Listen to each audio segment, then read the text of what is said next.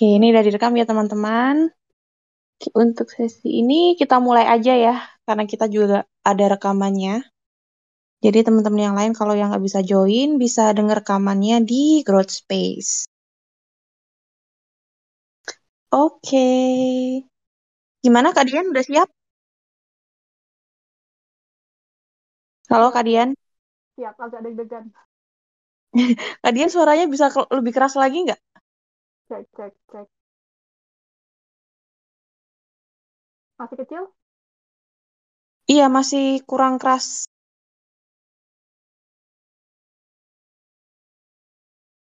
Halo?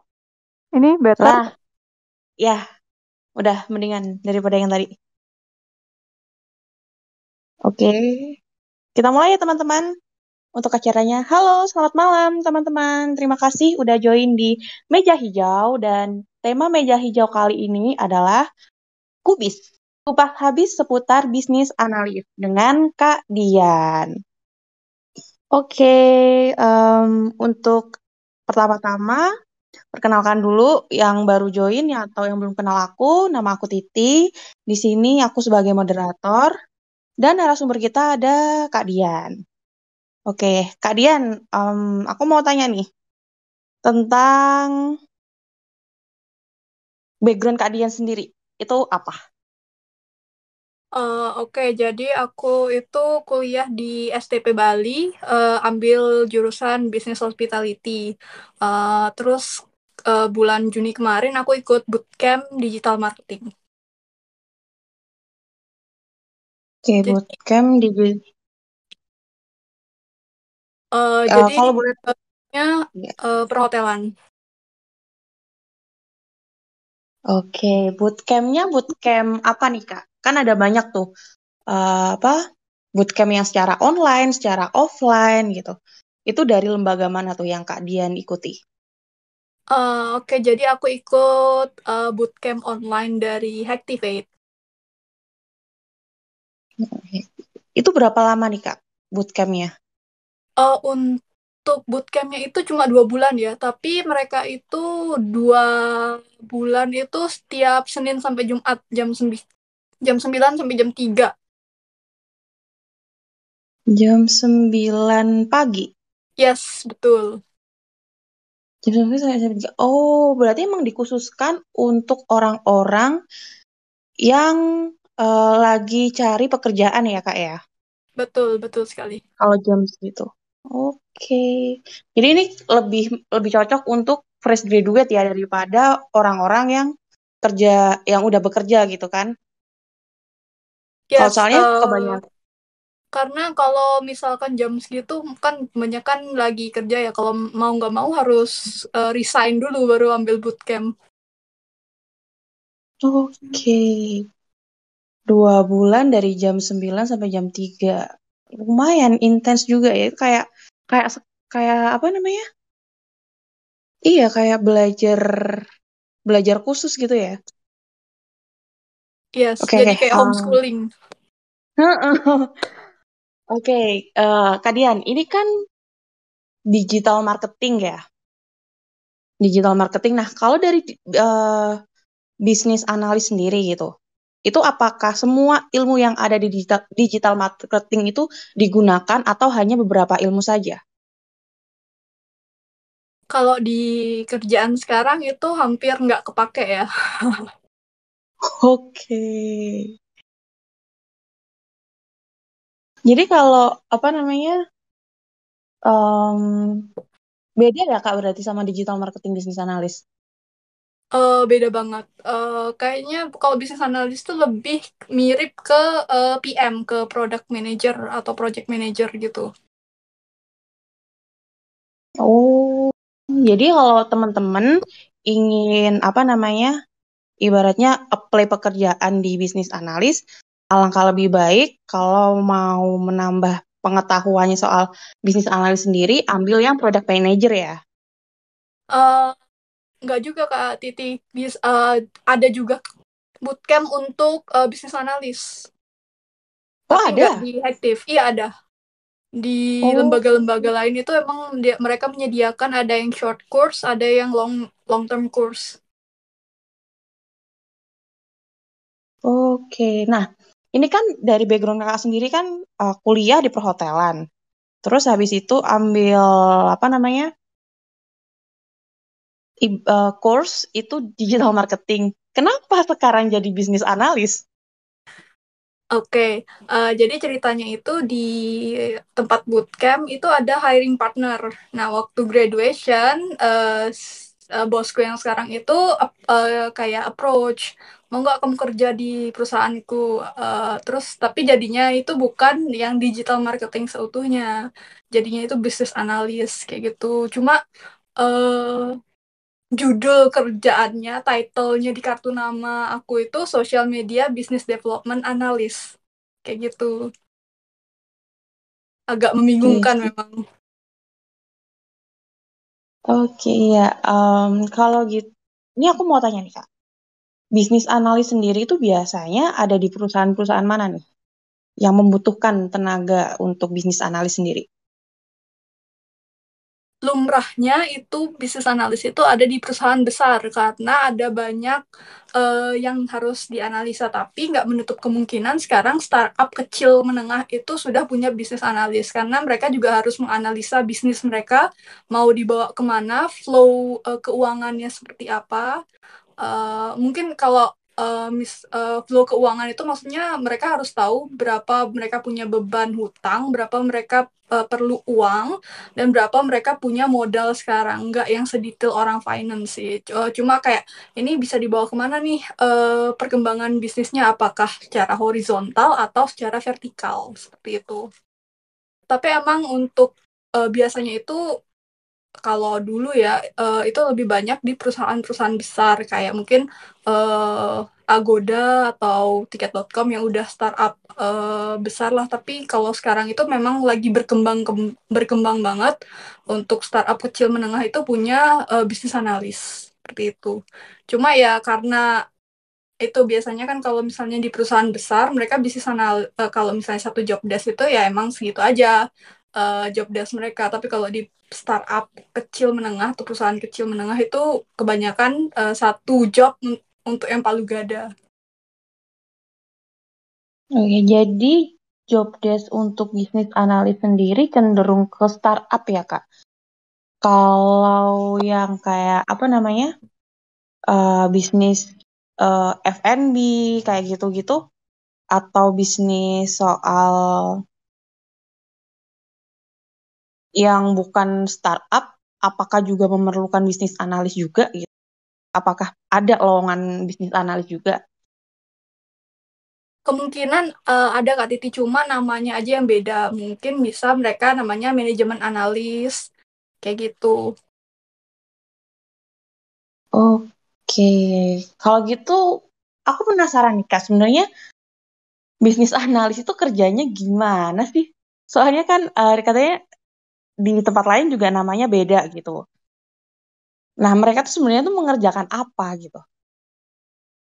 Oke, jadi uh, sesuai dengan namanya, bisnis analis itu kita menganalisa uh, bisnis yang sedang dijalani itu bagaimana. Yang pertama itu kita uh, kerjanya itu harus pak uh, banyak baca uh, tentang uh, perusahaan kita, kayak paham lah strategi bisnis yang dijalanin itu apa, terus tujuan bisnis itu sebenarnya apa. Nah, itu nanti kita uh, bantu si CEO untuk uh, memetakan ini untuk uh, mencapai tujuan ini uh, apa saja yang harus dicapai terlebih dahulu kayak breakdown goalsnya itu bikin visi misi gitulah istilahnya.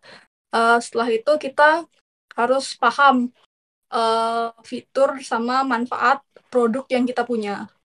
Product knowledge itu uh, benar-benar uh, kita harus pelajarin sedetail mungkin. Itu tujuannya agar kita bisa mudah mengkomunikasikan produk kita ke klien atau prospek yang ada. Uh, terus uh, ini uh, case-nya untuk di perusahaan aku ya. Uh, terus kita, uh, aku sendiri itu uh, harus ngasih dukungan teknis kayak support jadi support center gitu buat para klien. Jadi nanti di sini aku jadi penengah karena kita nggak punya product manager. Jadi aku di sini jadi penengah antara klien dan uh, developer team. Jadi kalau misalnya ada uh, bug itu karena produknya software. Kalau ada bug, uh, aku harus klarifikasi dulu ke klien apa yang mereka alami. Setelah itu, setelah aku dapat dan aku cross check dulu ke softwarenya, uh, itu aku lapor ke dev team. Ini terjadi isu uh, bla bla bla. Tolong dicek ya, seperti itu setelah mereka cek dan mereka bilang oh ya ini ada bug uh, dari kita dari uh, software kita nih bugnya seperti ini ini, ini.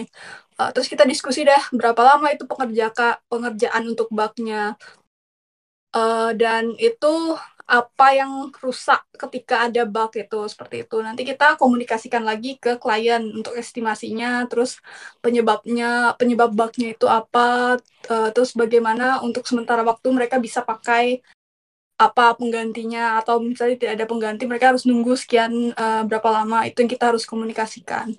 Setelah itu uh, kita juga nah karena kita bekerja dengan uh, dev team untuk satisfy klien itu kita juga kerjasama sama dev team untuk uh, kita tuh harus mastiin setiap hari itu software kita nggak ada uh, bug yang benar-benar bikin uh, down server kita kayak gitu kurang lebih seperti itu Oke, ini kalau buat startup ya kak ya? Yes, kalau, kalau produknya software, IT software gitu. Oke, kalau selain IT software, apa kak Dian paham juga? Uh, uh, biasanya itu kalau untuk bisnis analis tuh mereka harus punya data soal bisnisnya. Uh, kayak yang tadi aku bilang itu kayak data keuangan, terus data customer, apakah mereka grow atau mereka uh, stuck di sana dan apa yang bisa mereka perbuat, apakah mereka berkembang ke arah horizontal atau uh, vertikal itu mereka harus bisa memvisualisasikan data dan mengkomunikasikan uh, data tersebut ke tim ke seluruh tim. Jadi mereka uh, jadi uh, bisnis analis itu yang menganalisa problem apa nih yang akan dihadapi atau yang sedang dihadapi sama perusahaan. Uh, kalau misalkan kita bisa uh, kita kayak mencoba untuk uh, mencegah kita jatuh ke lubang yang dalam dengan data kayak gitu. Jadi aku sendiri pun punya uh, data itu pakai sheet itu banyak banget data-data data customer apakah customer kita growing setelah menggunakan software apakah customer kita menggunakan software kita berapa lama customer kita menggunakan software itu dan ada banyak-banyak lagi jadi kita tuh emang bermain uh, di data dan menganalisis data tersebut kayak gitu kira-kira Kak Titi Oke, nah di sini aku baru baru lumayan paham nih. Tapi kalau tadi dijelasin soal apa namanya untuk software gitu ada lumayan nggak paham sih kak. Kalau yang ini ah baru paham. Oh oke, jadi kayak kita apa bisnis analis itu sebagai itu ya ibaratnya kalau orang tuh makan vitamin gitu ya kayak ya, biar nggak kena penyakit gitu ya. Yes, Jadi up. Oke. Okay. Kayak kita Jadi melakukan MCU kayak gitu. Medical okay. check up kayak gitu. Oke, nah baru paham nih Kak saya. Oke. Okay. Nah, kalau gitu uh, setelah kalian jelasin kerjaannya bisnis analis itu seperti itu. Nah, skill skill yang mesti dipunya sama bisnis analis itu apa aja tuh kak? Uh, yang pertama itu product knowledge itu uh, penting banget. Uh, maksudnya semua skill itu penting, tapi kalau misalnya kita nggak tahu produk kita apa, siapa kompetitornya, uh, susah untuk bisa kita tahu ke mana ke mana perusahaan kita akan uh, ber, ber, ber grow growing ya. Kalau misal Uh, terus yang kedua itu ada komunikasi karena kita harus mengkomunikasikan uh, banyak sekali data ke tim member. Uh, kayak misalkan uh, kita kas uh, budget udah dibagi, terus misalkan marketing nggak uh, bagus nih kita lihat datanya. Nah itu kita harus bisa mengkomunikasikan uh, dengan uh, dengan baik. Uh, maksudnya ya jangan menjelekkan mereka juga kayak ngasih improvement ini kayaknya lebih baik seperti ini atau kamu ada saran lain nggak untuk uh, biar hasilnya ini jadi lebih baik terus ada analytical thinking uh, karena produk yang dijual itu nggak cuma yang uh, tangible tapi banyak juga produk uh, bisnis analis yang intangible kayak punya punya aku itu software. Uh, jadi kalau misalkan ada bug kita dari uh, testimoni si klien itu kita juga harus langsung uh, kayak mikir oh ini, ini kayaknya uh, di titik A. Jadi kita langsung buka uh, titik A atau fitur A itu uh, dan kita langsung cek di sana karena kalau misalkan kita nggak uh, nggak uh, punya analytical thinking maksudnya agak lambat dan product knowledge kita jelek itu kayak kita bergantung banget sama si, si uh, tim software developer uh, dan itu nggak bagus karena mereka juga pasti punya target kerja dan punya kerjaan yang lain.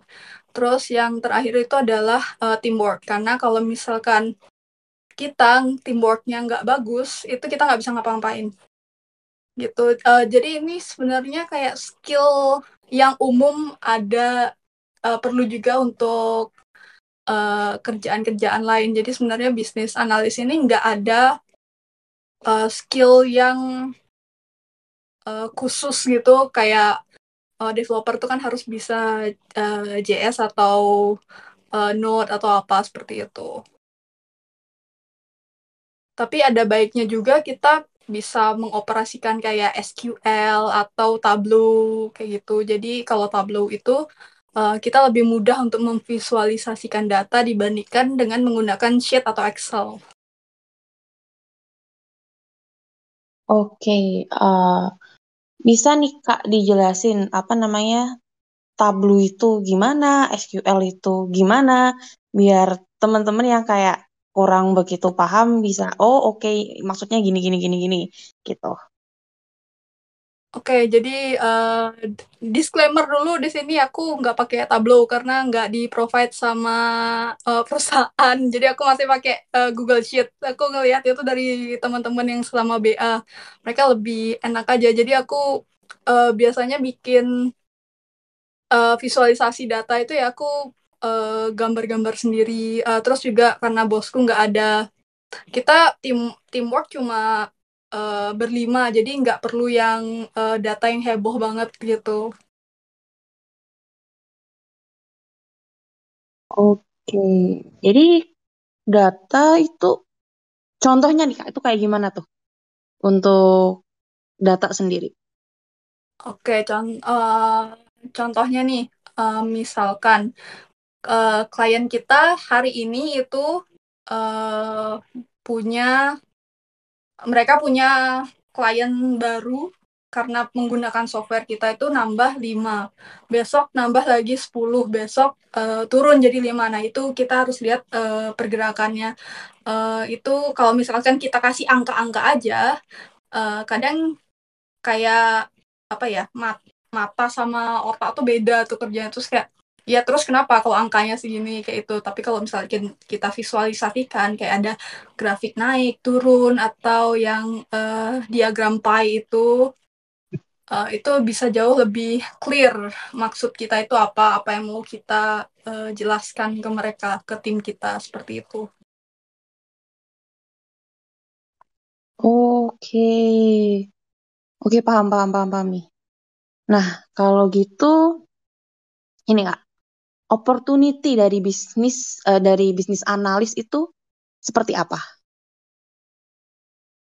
Opportunity-nya uh, apa ya? Uh, yang pertama uh, gajinya bagus uh, karena kalau kalau dibandingkan ini ya kayak misalkan kalau aku ngambil kerjaan as a uh, social media specialist di digital marketing itu range-nya itu adalah 3 3 sampai 4 juta untuk uh, starter. Nah, sedangkan kalau misalkan bisnis analis itu kebanyakan dari perusahaan itu dia nawarin nawarin kita lumayan uh, jauh lumayan dibandingkan si social media specialist kayak gitu. Mungkin ini nggak uh, relate ya, tapi kalau uh, bisnis analis skill kita uh, bandinginnya yang sama pekerjaan yang sama-sama starter ya fresh graduate uh, dan apa ya kita tuh bisa jadi hmm, semacam en engineering kalau misalnya di software ya di IT software tuh kita bisa jadi semacam engineering yang ngerti produk tanpa kita harus bisa coding kayak gitu. Uh, dan itu demandnya itu uh, banyak banget karena perusahaan yang jual software itu sekarang lagi uh, besar-besarnya uh, itu yang menyebabkan mereka lagi berkembang dan bertumbuh karena keuntungan mereka itu bisa 50% dibandingkan jual uh, produk kayak misalkan uh, siapa yang hits baru-baru ini kayak misalkan kita jual F&B kayak gitu margin keuntungannya itu dikit uh, that's why uh, bisnis analis itu adalah pekerjaan yang sangat-sangat uh, menguntungkan dan in the future akan ada uh, massive growth untuk si bisnis analis ini.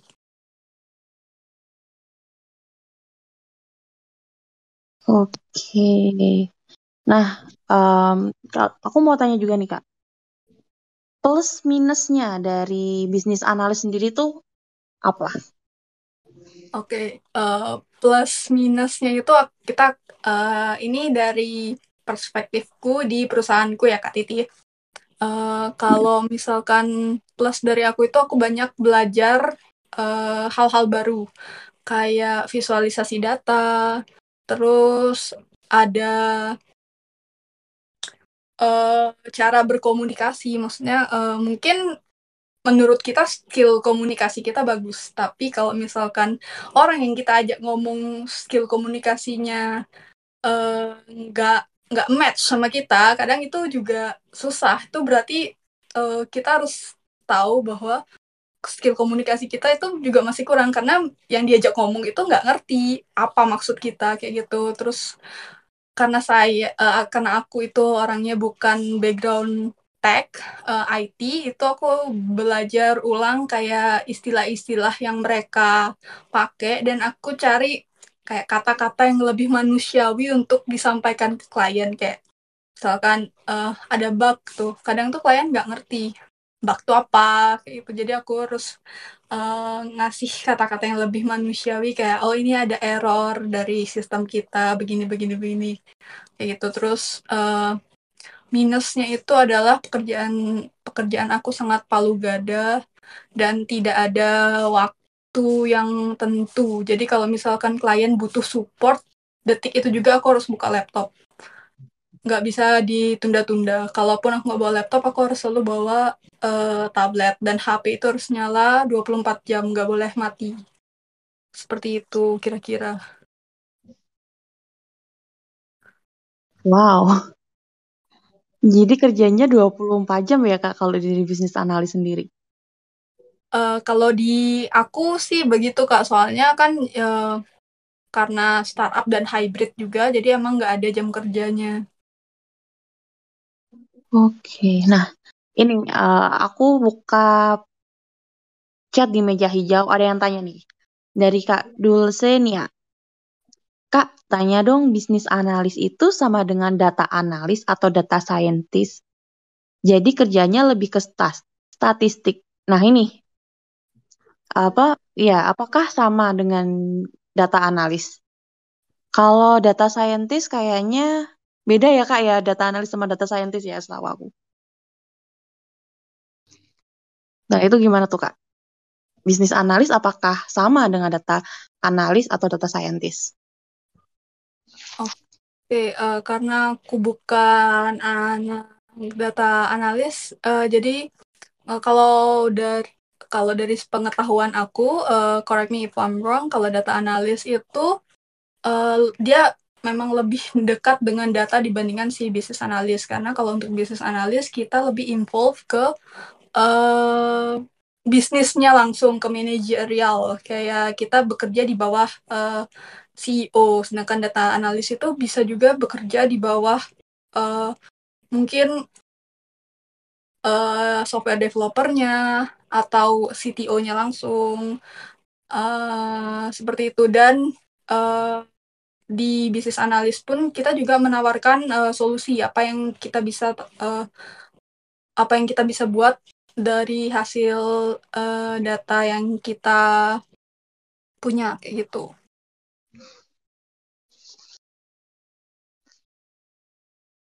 Oke, jadi beda ya kak antara data antara bisnis analis sama data analis atau data scientist. Nah, ini juga ada pertanyaan nih, lumayan banyak dari Kak Fristi. Oke, yang pertama, kalian mau nanya dong, hard skill yang dibutuhin apa aja? Tadi sempat dibilang pak nggak pakai tabule. Apakah ya tab ya tabul?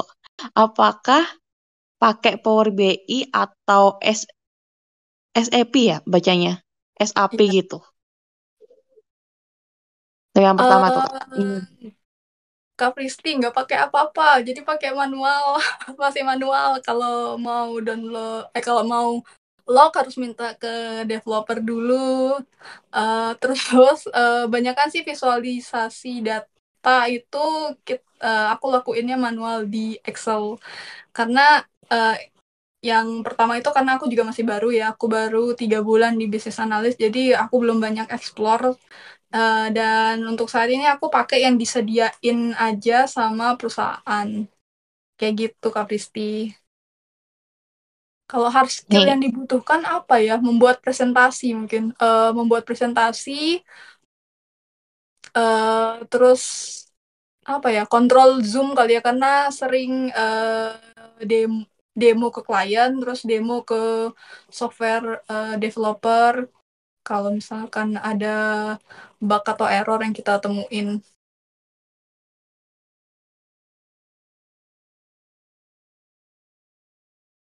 Ya, oke. Okay. Jadi hard skill-nya ada juga nih kayaknya public speaking juga ya kak ya. Kita mengkomunikasikan ke klien gitu.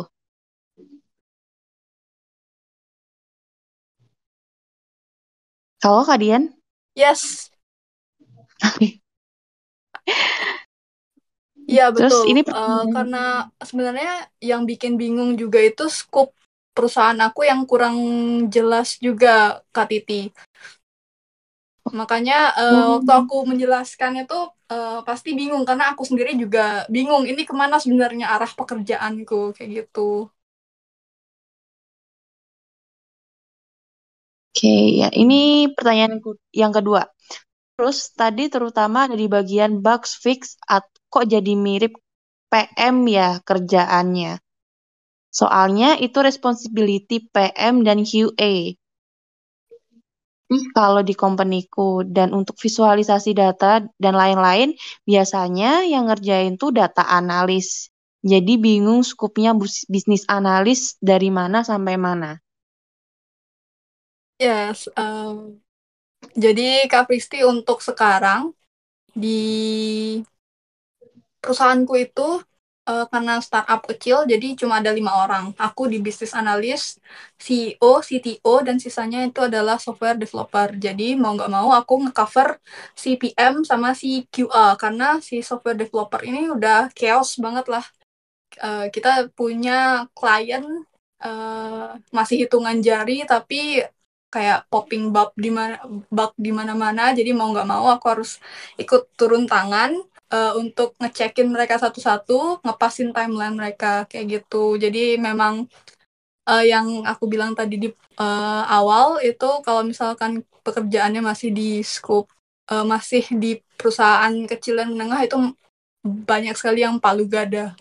Aku pun nggak ngerti ini sebenarnya kerjaanku itu apa. Karena setelah uh, aku kasih feedback ke tim bootcamp uh, ke tim aktif mereka bertanya-tanya sebenarnya nih kamu kerja apa ya uh, aku jawab aku nggak tahu sebenarnya pekerjaanku apa uh, karena apa yang ada kerjaannya ya aku kerjain kayak gitu hmm. oke okay. hmm. Hmm, Kak Frizi, uh, nah kalau datanya, datanya yang banyak gitu gimana tuh Kak? Yang sampai ribuan, ribuan data.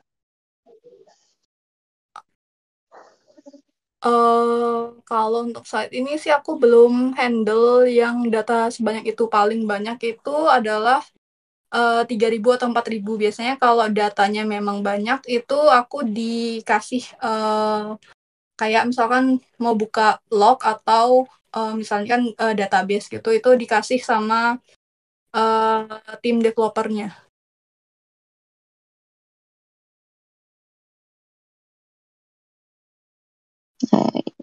ini dari Kak Andrik yang bikin pusing bisnis analis adalah forecasting keuangan. Nah, ini kita juga belum menyinggung keuangan nih Kak. Itu gimana tuh bisnis analis dalam keuangan? Uh, yes, uh, jadi kita di uh, bisnis analis itu kita harus uh, forecast ya. Ini apakah ini saat yang tepat untuk kita fundraising? Atau kita nunggu dulu kita hold back dulu? Kita kalau harus lihat kayak tabungan kita tuh berapa sih? Masih bisa nggak uh, menjalankan bisnis ini sampai 2-3 tahun ke depan kayak gitu. Jadi kita kayak bikin uh, uh, kalau misalkan mau uh, hiring lagi nih uh, HR uh, HR-nya kan uh, dari aku outsourcing. Jadi kita kayak diskusi dulu berapa kita punya uang berapa bakal kita kasih annual salarinya kayak gitu. Terus kayak oh. uh, misalkan mau server baru so developernya uh, bilang kayaknya kita perlu software uh, server baru nih. Ya udah kita mulai guys itu survei. Untuk tahun depan kok hmm. kita udah ganti server yang lebih bagus itu berapa kita ngabisin kayak itu cukupkah uang kita? Cukupkah uang pemasukan hanya dari klien? Apakah kita harus fundraising? Ke mana fit, uh, visi yang harus kita cari? Kayak gitu. Oke, ini ini lucu nih teman-teman nulis nulis di meja hijau di meja hijau nih. Kak hmm. Andri nih. Karena kalau finance atau HR doang nggak akan tahu future bisnis potensial. Jadi harus melibatkan bisnis analis. Gitu ya kak ya? Betul, betul, betul banget. Soalnya mereka itu uh, kan mereka itu cuma fokus di bidang mereka aja sedangkan kita itu ngelihat dari uh, helikopter uh, view kayak gitu. Uh, oh ini bisa diimprove nih. Yang uh, yang A bisa diimprove yang B enggak. Uh, si A punya potensial untuk uh, jadi lebih baik. Uh, kita daftarin kursus atau kita kasih dia fasilitas apa. Si B uh, performanya nggak bagus nih oh ya udah berarti udah stuck sampai sana aja sampai dia ada perkembangan baru kita bisa uh, kasih dia fasilitas uh, lain kayak gitu nanti itu juga komunikasi komunikasinya ke HR sama finance juga Oke, jadi ini Kak Pristi nih, data analis plus product managers plus QA plus finance. Oh, pantesan tadi. Tadi. Betul banget kan Kristi. Saya rasa uh, aku tuh rasanya pengen jadi CEO aja langsung. Oke. Okay. Jadi uh, makanya Kadian bilang Kadian itu adalah so pernah mengerjakan palu gada gitu. Palu gadanya tuh ini ya. Merangkap empat kemampuan nih. Yes, betul kemarin juga udah mulai uh, si Pak Bos ngajakin fundraising, yuk ketemu visi kayak gitu. Uh, terus aku kayak, Pak, kerjaan saya udah banyak nih. Kenapa saya diajak ketemu visi juga, bikin pusing. Oke. Okay. Oh, ini Kak Andri, kan biasanya orang marketing itu berantemnya sama orang finance. Nah, bisnis ama bisnis analis ini tandemennya sama bisnis development. Uh, kalau Kak Dian sendiri meng mengalami hal itu kah? Bisnis analis tandemennya sama bisnis development?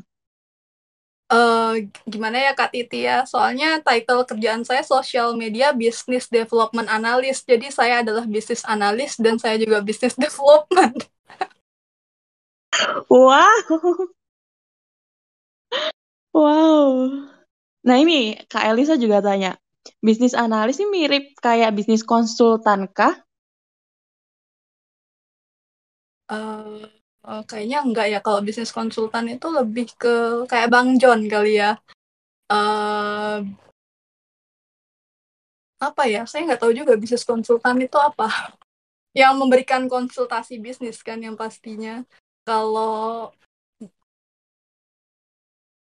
kayak ngasih professional advisor based on apa yang sudah dia lalui. Kalau uh, aku di bisnis analis ini nggak nggak base experienceku tapi kita based on data.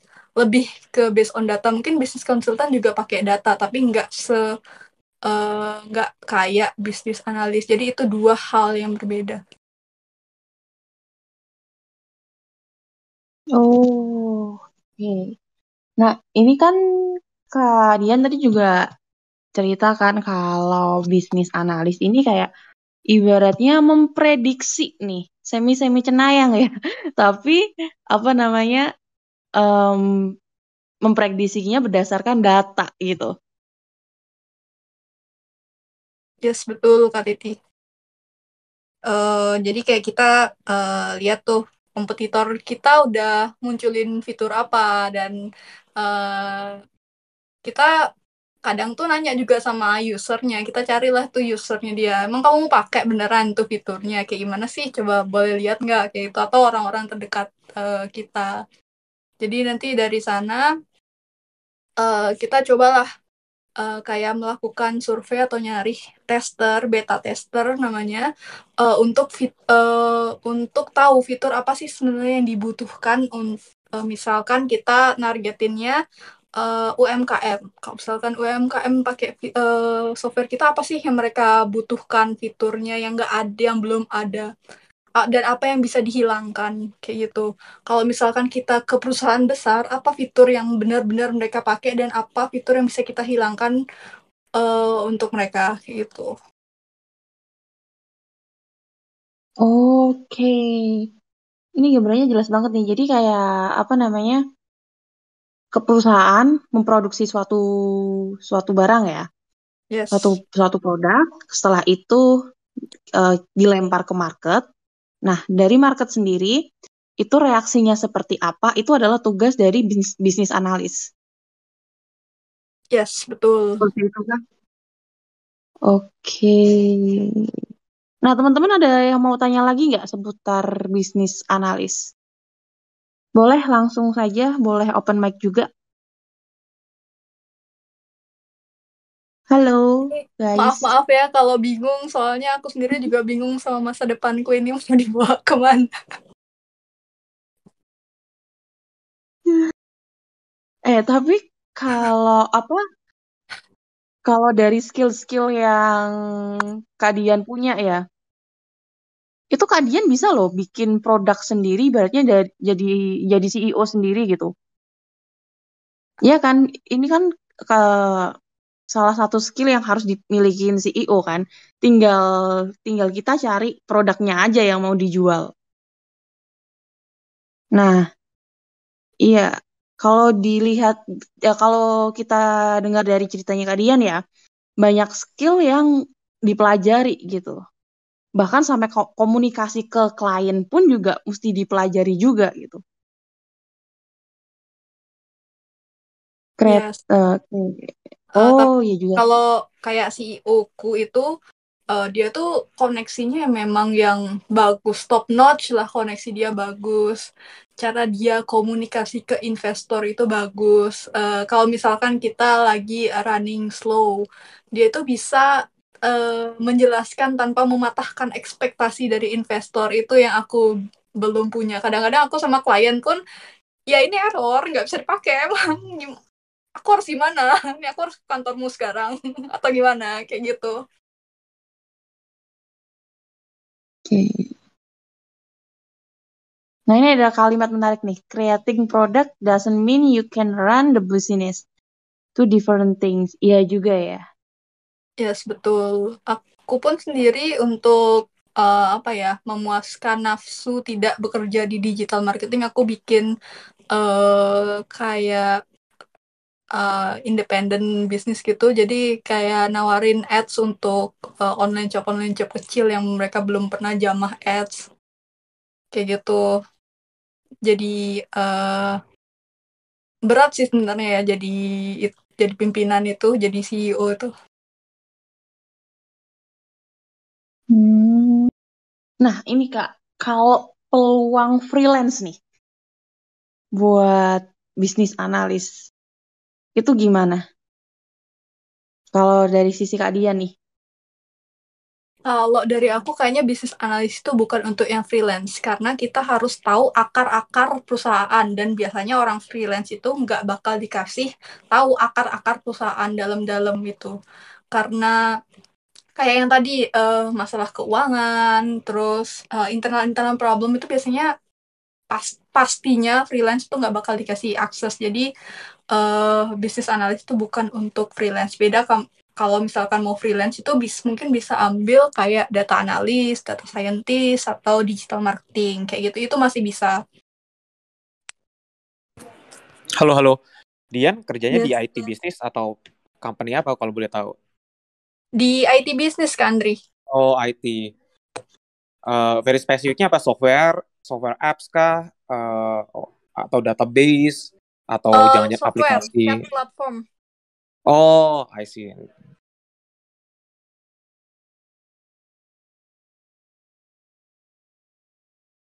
Oke, nah Kak, kalau sebuah perusahaan nih ingin membuat produk baru gitu, bisnis analis sendiri, apakah sebelum produk itu dibuat juga ada keterlibatannya?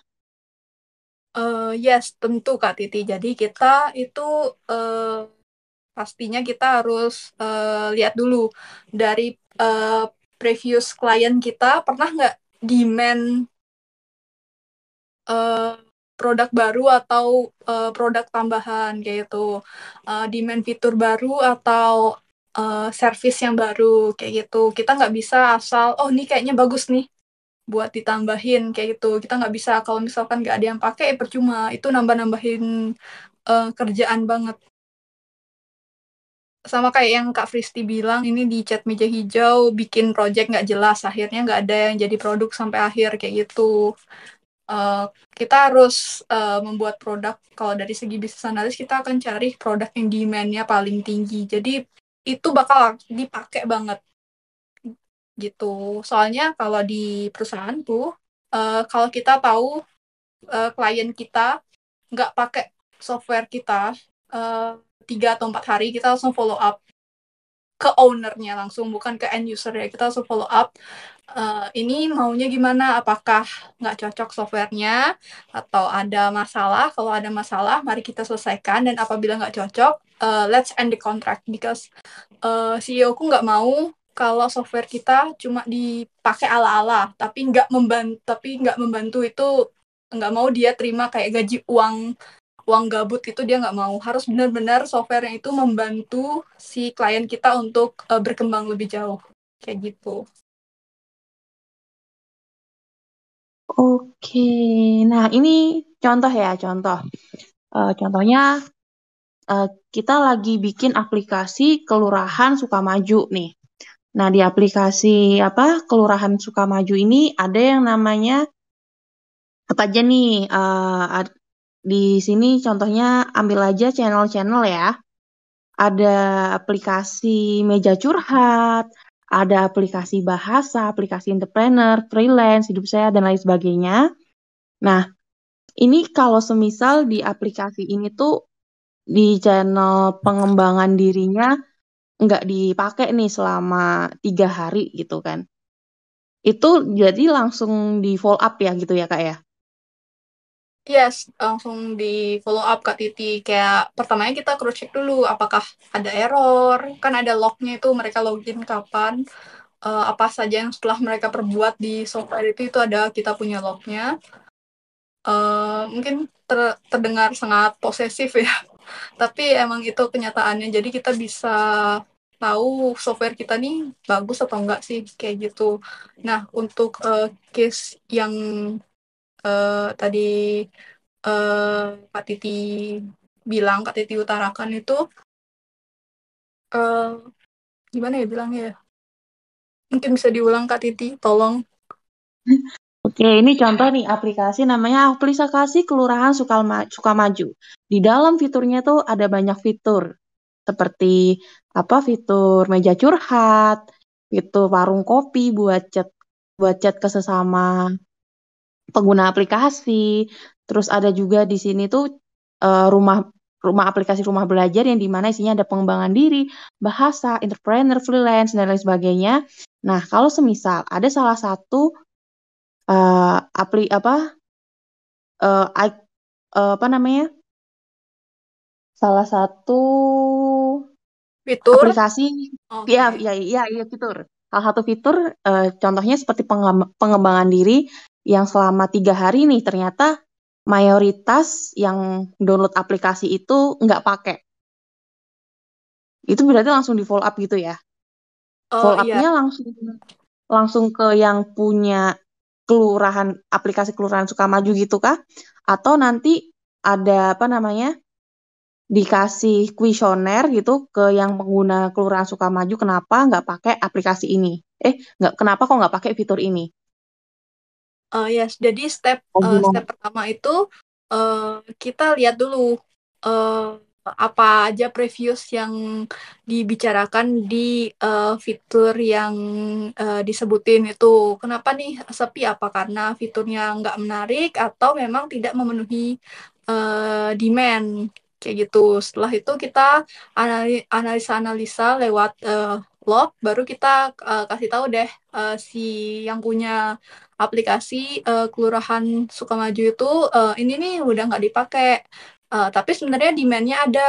Ini apa yang mau uh, apa yang bisa kita improve dari aplikasi ini kayak gitu.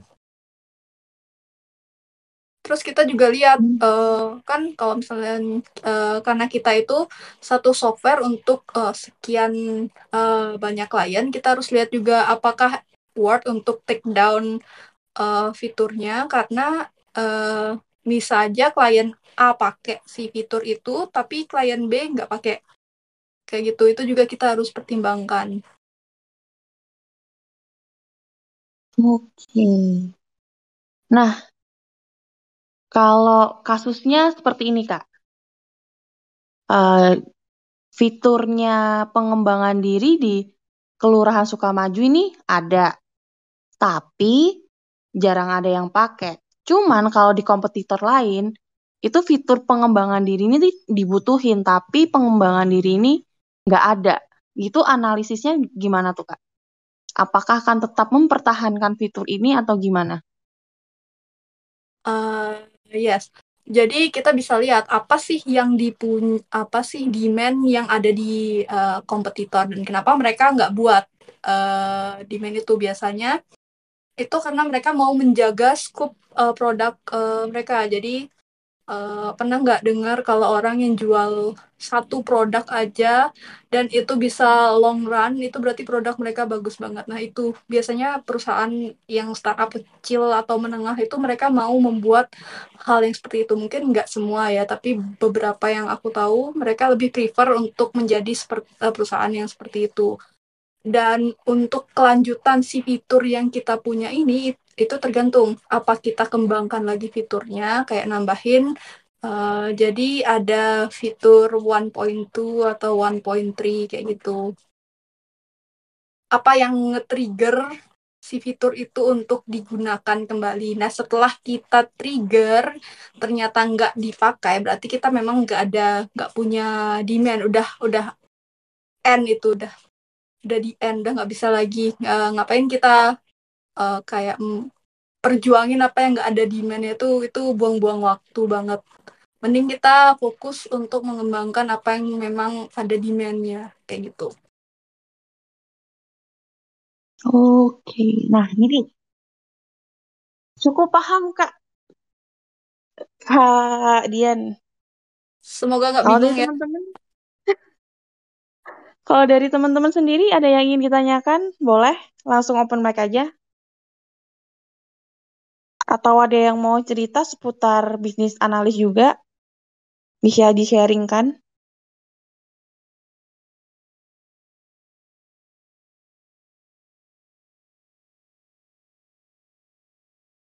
Halo guys.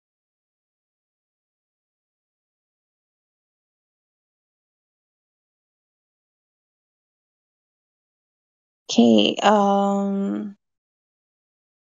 nih Kak Fristi, typing lagi nih. bikin oh ini bikin produk sendiri. Oh, ceritanya. Jadi kan tadi kan kalian cerita uh, apa namanya? Bisnis-bisnis itu uh, rata-rata kayak fokus sama satu hal tapi diperbagus gitu ya. Yes, untuk saat ini. Hmm, oke. Okay. Jadi jadi sama aja ya ternyata bisnis startup sama bisnis-bisnis kayak makanan atau yang lain-lainnya. Soalnya kayak gitu aku tuh sering nemu sering nemuinnya itu di makanan gitu. Contoh, dia jualan gado-gado nih. Gado-gadonya enak, makanya dia cuma jual gado-gado doang, tapi tuh kayak laris banget gitu. Yes, inspired by that kayaknya sih Kak Titi. Soalnya kan banyak tuh kayak wisata-wisata kuliner yang mereka tuh brandingnya sejak tahun 1400 atau 1000, 1000 berapa lah itu. Tapi somehow they still alive meskipun pandemi sudah melanda kita dan berbagai macam uh, masalah melanda Indonesia tuh mereka masih hidup dan masih punya penggemar kayak gitu. Punya fans lah istilahnya. Oh, bentar. Jadi aku juga bisa ngambil kesimpulan kalau bisnis analis itu juga menca apa gimana caranya ngebuat produk itu tetap digunakan gitu ya kayak kayak still life kayak contohnya produk makanan gitu ya. Yes, yes, yes, bisa bisa. Uh, memang waktu aku join itu uh, kayak CEO ku bilang uh, kayak Dian we have to make uh, people fall in love and be, be our fans. Uh, kalau nggak gitu susah. Uh, berarti kita nggak punya produk yang bagus. Kalau sampai kita nggak punya fans kayak gitu. Nah uh, kalau boleh tahu nih produk perusahaannya kakak nih itu perusahaan dalam negeri kah atau perusahaan luar uh, perusahaan dalam negeri, uh, tapi CEO ku itu orang Amerika. Oke, okay. CEO-nya orang Amerika. Nah, kalau apa startup-startup gini emang kebanyakan itu CEO-nya emang dari luar gitu, gitu kah kak? Kalau di Indonesia ya?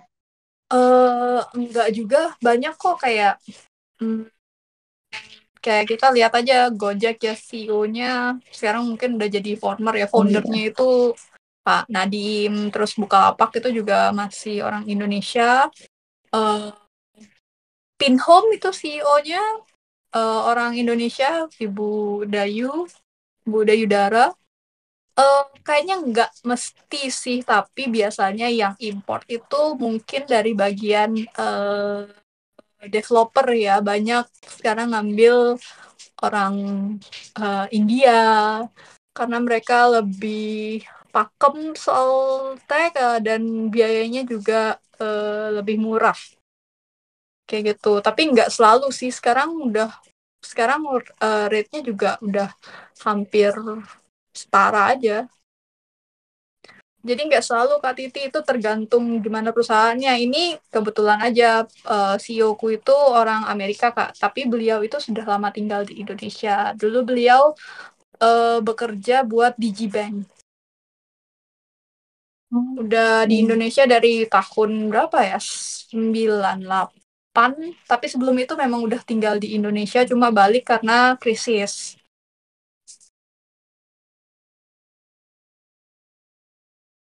Oke, kalian uh, karena ini udah hampir sejam Oke.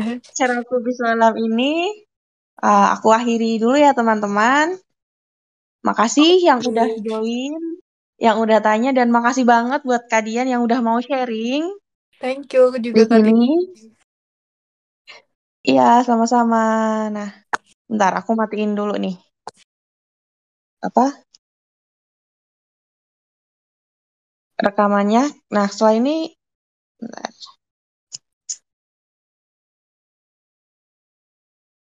Bentar, bentar, bentar, bentar, bentar.